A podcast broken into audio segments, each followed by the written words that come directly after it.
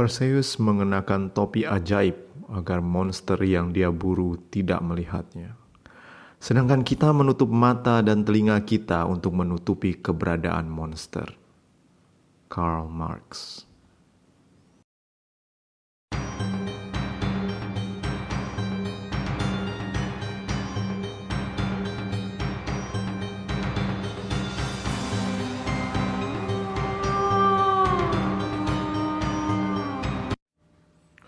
Halo selamat siang semua pecinta dari seri mitologi santuy Terima kasih untuk segala dukungannya teman-teman. Sekarang kita sudah masuk ke season ketiga dari seri mitologi yang selalu anda tunggu-tunggu Dan saya buru-buru. Oke okay. You ask for it and I shall give Beberapa minggu yang lalu gue banyak mendapatkan pesan di email dan juga di DM pribadi. Di Instagram maksudnya. Bahwa kelihatannya gue terlalu lama menceritakan cerita tentang romance.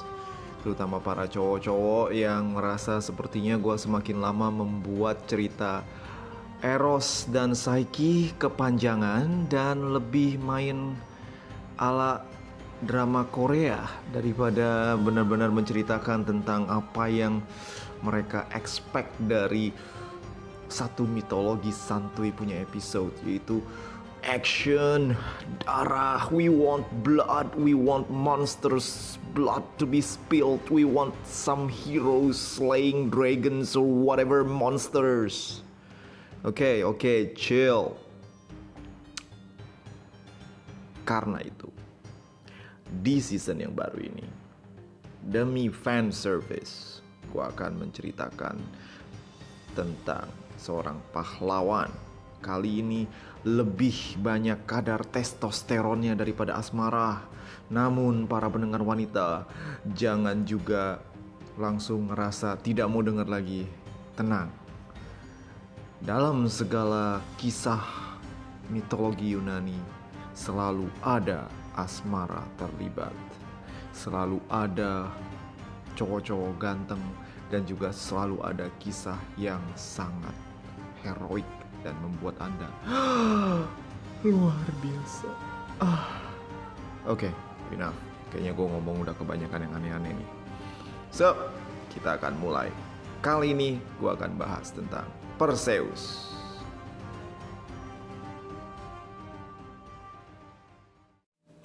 Oke, cerita bermulai di satu daerah di Yunani. Of course di Yunani, bukan di Cina. Karena kalau di Cina namanya adalah mitologi Cina, bukan mitologi Yunani. Oke, sorry. Lupakan saja beberapa detik yang lalu. Anggap saja gue lagi ngaco. Oke, okay. So ada satu kerajaan yang bernama Argos yaitu satu wilayah di Yunani. Rajanya bernama Acrisius telah lama kepengen punya anak cowok sebagai penerus dari kerajaannya. Setelah berbagai macam usaha, namun hanya anak perempuan bernama Danae yang menjadi anaknya. Waktu itu masyarakat Yunani masih memiliki satu pandangan yang kurang modern dibandingkan masyarakat sekarang, yaitu kalau cewek ya tidak bisa jadi pemimpin. So, Acrisius walaupun begitu sayang dengan Danae, dia tidak bisa memberikan tahta kerajaan Argos kepada seorang wanita bernama Danae. Walaupun Danae putrinya ini sangat pintar, cerdas, cantik, kalem, soleha, dan segala macam atribut yang lu bisa masukin ke dalam seorang wanita. So, Acrisius, layaknya para orang-orang di zaman tersebut, memilih satu jalan lain untuk mencari apakah pesan para dewa siapakah yang akan menjadi penerus dari kerajaannya. Acrisius kemudian pergi ke satu tempat yang populer dengan ramalan, yaitu Delphi, Delphi, Delphi, atau terserah ada bagaimana lu nyebutnya. Yang jelas, yang gua sebut adalah Delphi. So, Delphi ini adalah ya seperti yang pernah gue ceritakan di episode tentang Apollo.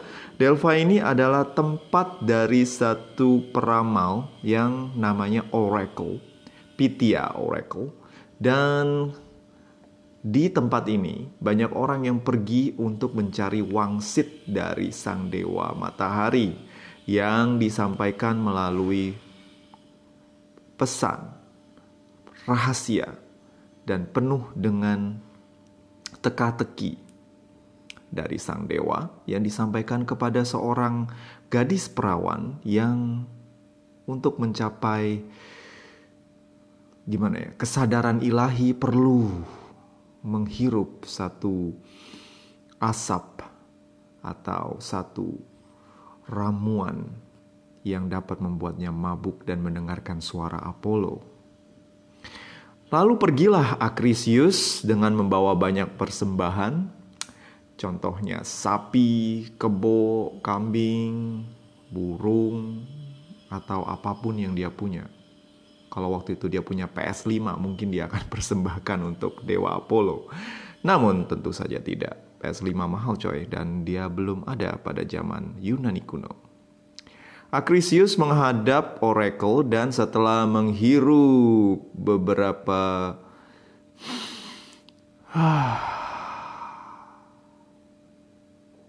kali, Oracle menyampaikan satu pesan kepada Akrisius. Seperti ini rupanya. Wahai Raja Krisius, kau tidak akan memiliki anak laki-laki. Namun suatu saat nanti, cucu laki-lakimu akan mengakhiri nyawamu. Akrisius bingung dan heran. Hah? Bagaimana sih? Katanya gue gak punya anak laki-laki. Tapi kok cucu gue bakal mengakhiri nyawa gue.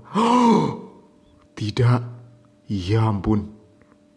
Lalu pikirannya tiba-tiba teringat kepada putri satu-satunya yang bernama Danai itu.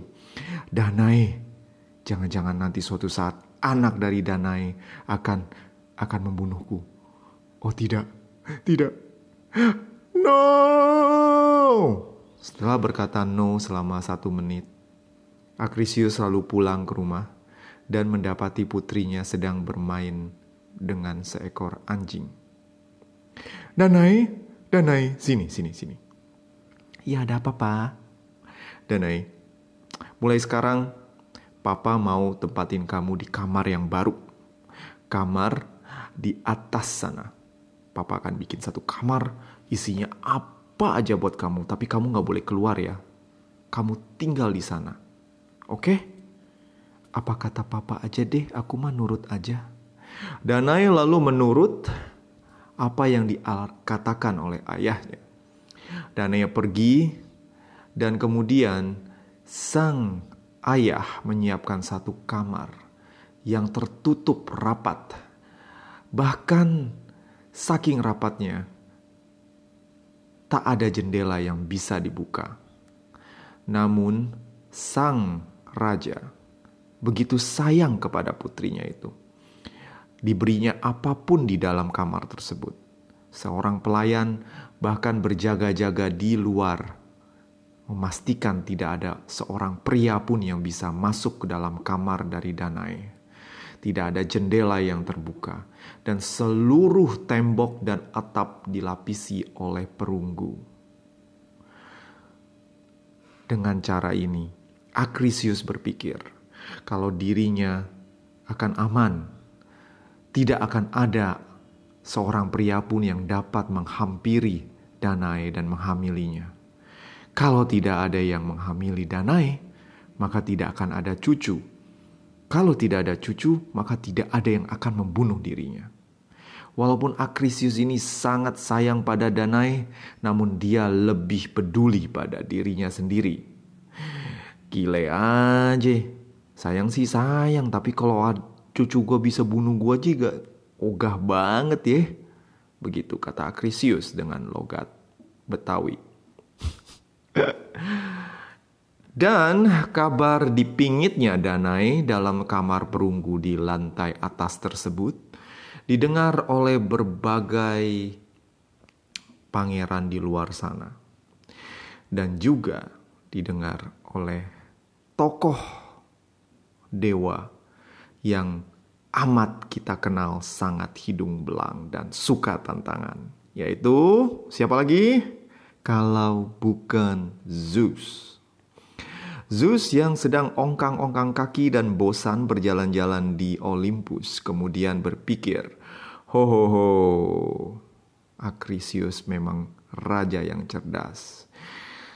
Anaknya dipingit di satu kamar yang rapat. Tapi bukan Zeus namanya yang kalau nggak berhasil menghamili Danai. Ho ho ho ho. Zeus pun langsung pergi meninggalkan Olympus, sementara Hera yang sedang sibuk mengurusi urusan rumah tangga dari para dewa laut tidak menyadari kepergian Zeus. Zeus menyamar menjadi seekor burung elang terbang ke sana kemari dan berhasil menemukan menara di lantai atas tempat apartemen Danai berada.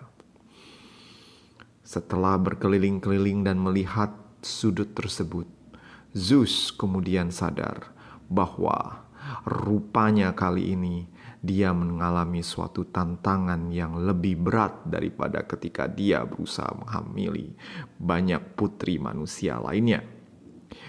Sebagai referensi, Anda harus ingat kalau Zeus ini sering sekali mengubah dirinya menjadi berbagai binatang. Contoh ketika dia ingin meniduri Eropa, dia merubah dirinya menjadi seekor sapi imut-imut yang ganteng. Seperti apa wujudnya? Bayangin aja sendiri. Zeus berputar-putar berpikir, hmm, apa yang harus gue lakukan ya? Gue jadi apa ya kalau buat masuk ke sana? Dan ide pun muncul dalam pikirannya.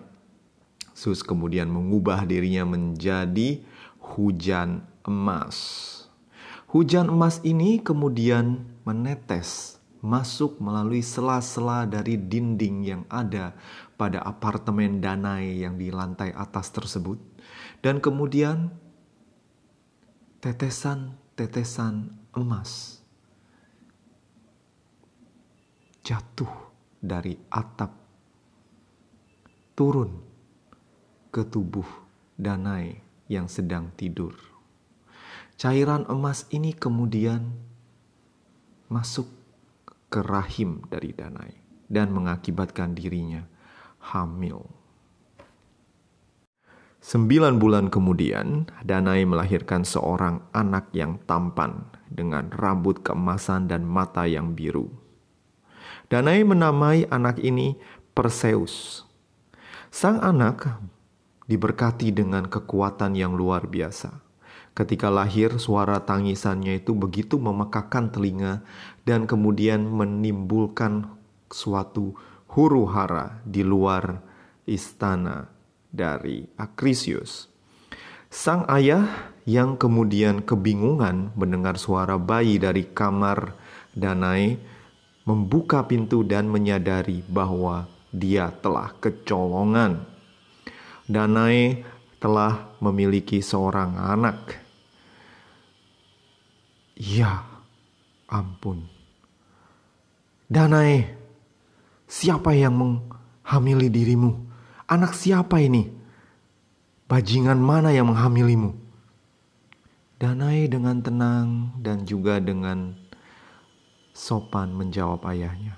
Oh ayahku, jujur saja tidak ada pria yang masuk ke dalam kamar ini.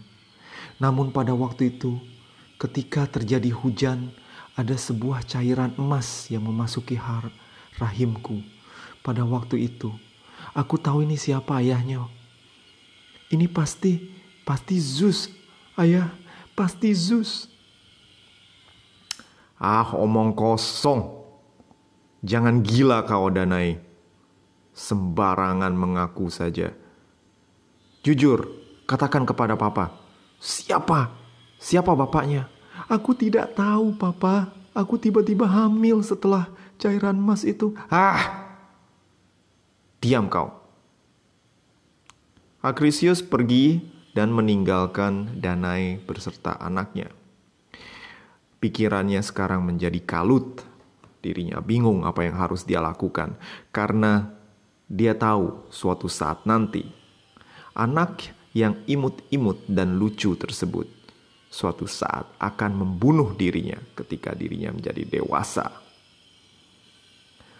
Akrisius sayang kepada Danai, namun sekali lagi dia lebih sayang pada dirinya sendiri.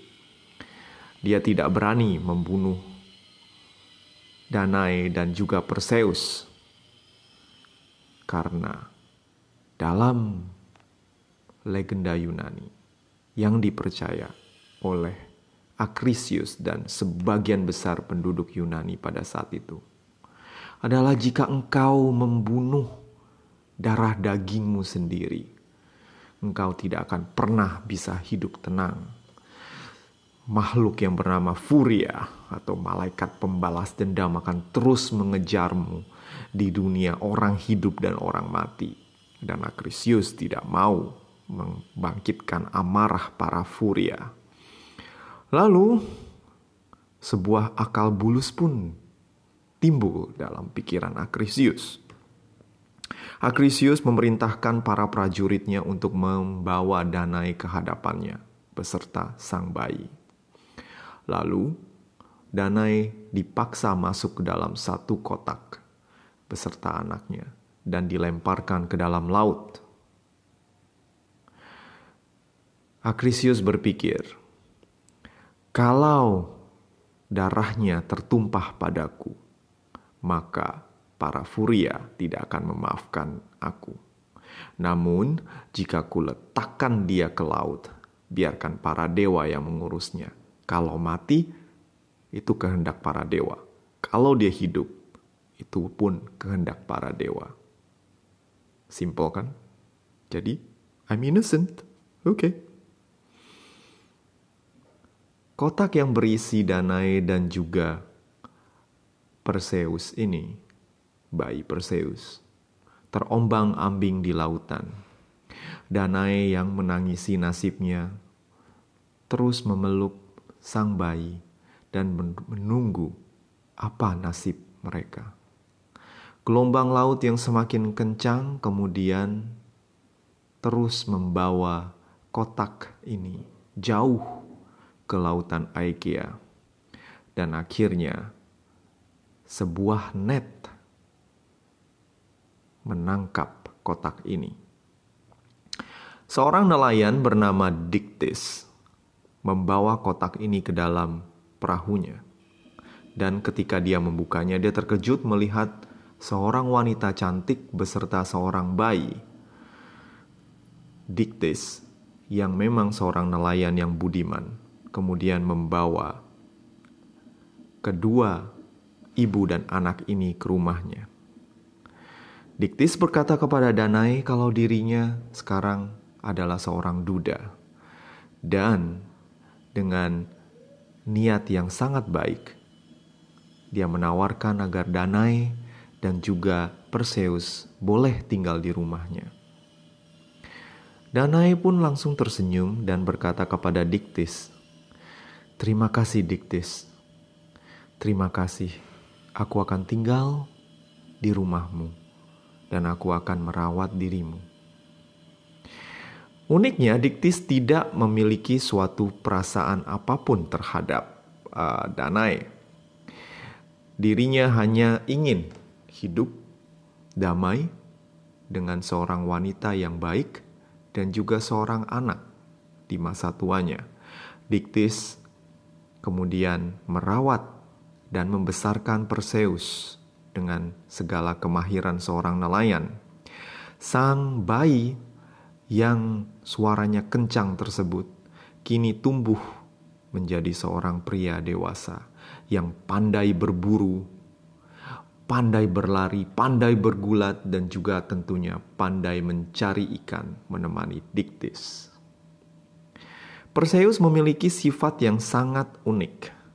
Dirinya, walaupun dibesarkan oleh seorang nelayan, dirinya selalu merasa kalau dirinya itu memuat, memiliki suatu takdir untuk menjadi seorang pria yang besar, seorang pahlawan, dan dirinya memang sangat disanjung oleh teman-temannya karena memiliki postur tubuh yang lebih besar daripada teman-temannya dan juga memiliki ketampanan yang luar biasa.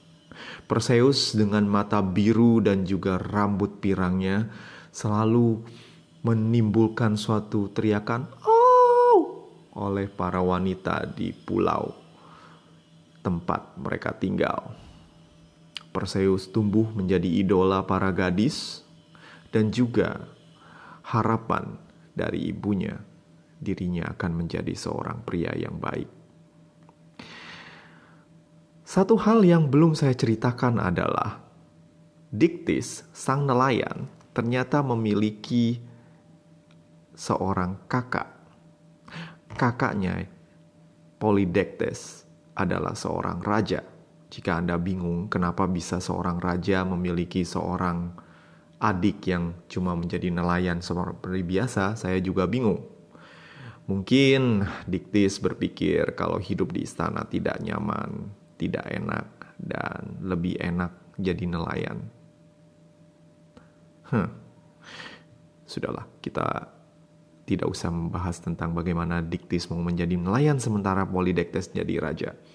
So, Polydectes ini kemudian mendengar kabar kalau adiknya Diktis menampung seorang wanita yang cantik bernama Danai. Perlu Anda ketahui kalau tidak ada yang tahu kalau Dana ini adalah putri tunggal dari Raja Acrisius dari Argos. So Polydectes yang kepincut dengan Danai sering mampir ke gubuk dari Poli, uh, dari Dictys yang terletak di pinggir laut tersebut.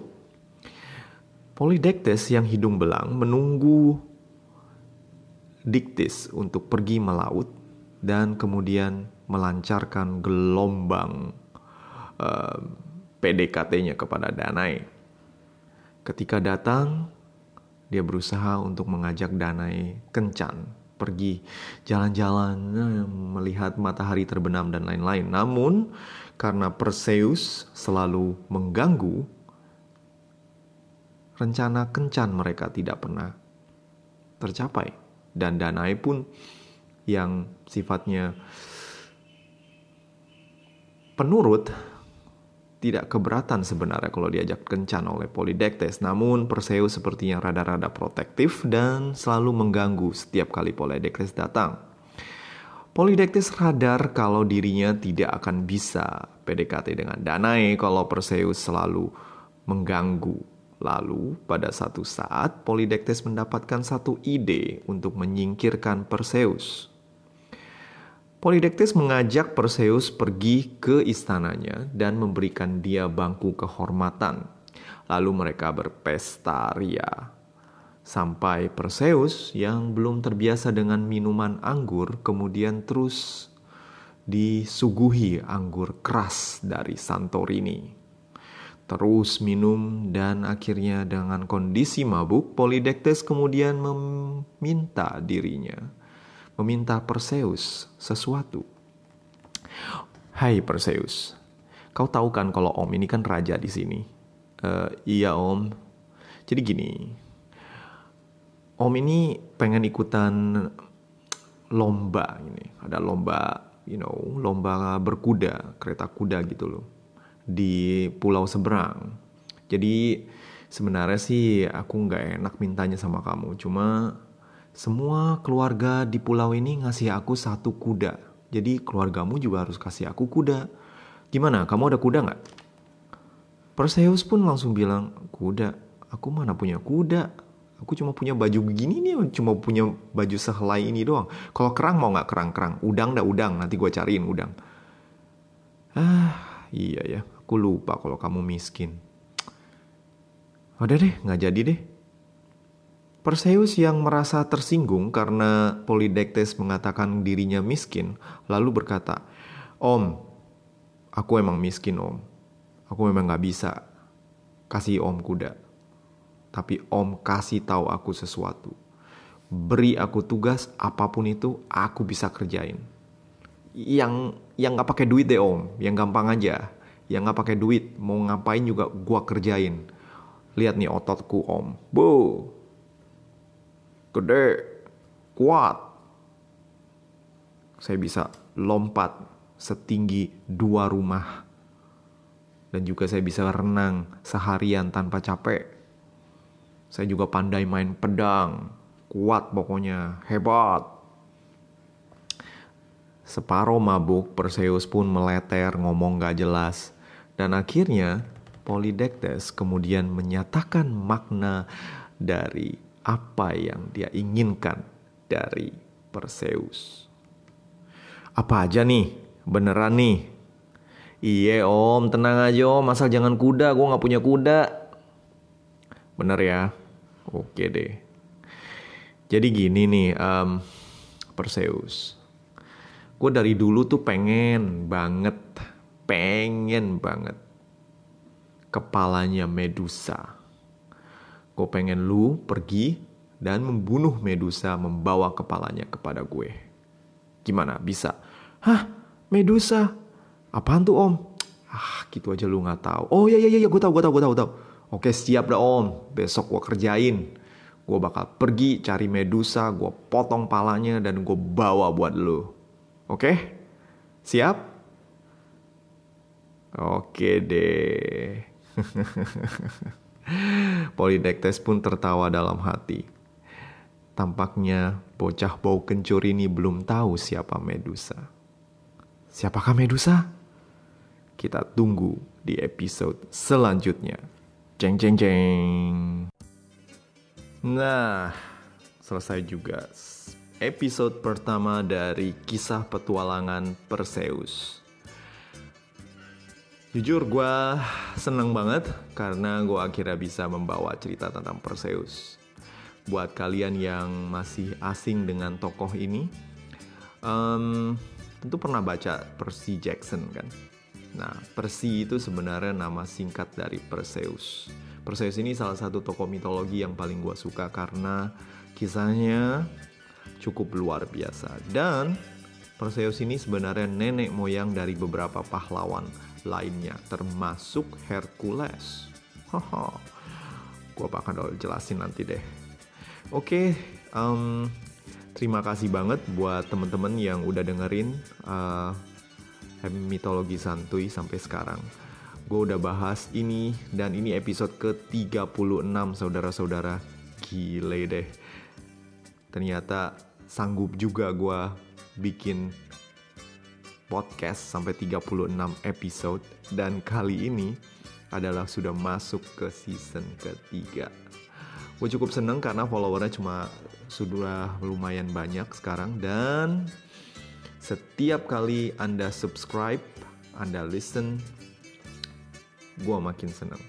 So, jika lu punya teman-teman yang suka juga dengan mitologi Yunani atau mitologi Romawi dan segala macam mitologi yang lain, lu bisa sampaikan kepada mereka kalau ada mitologi santuy karya guru Kelana dan juga kalau misalnya lu ada pengen tanya-tanya atau memang mau you know ngobrol soal mitologi, you bisa hubungi gue di guru kelana 007 at gmail.com atau di forum Instagram gue guru kelana atau di Facebook page gurukelana.com atau kalau lu mau baca tentang cerita-cerita gue selama gue jalan-jalan sebelum COVID-19 menyerang, lu bisa baca gue di baca blog gue di gurukelana.com.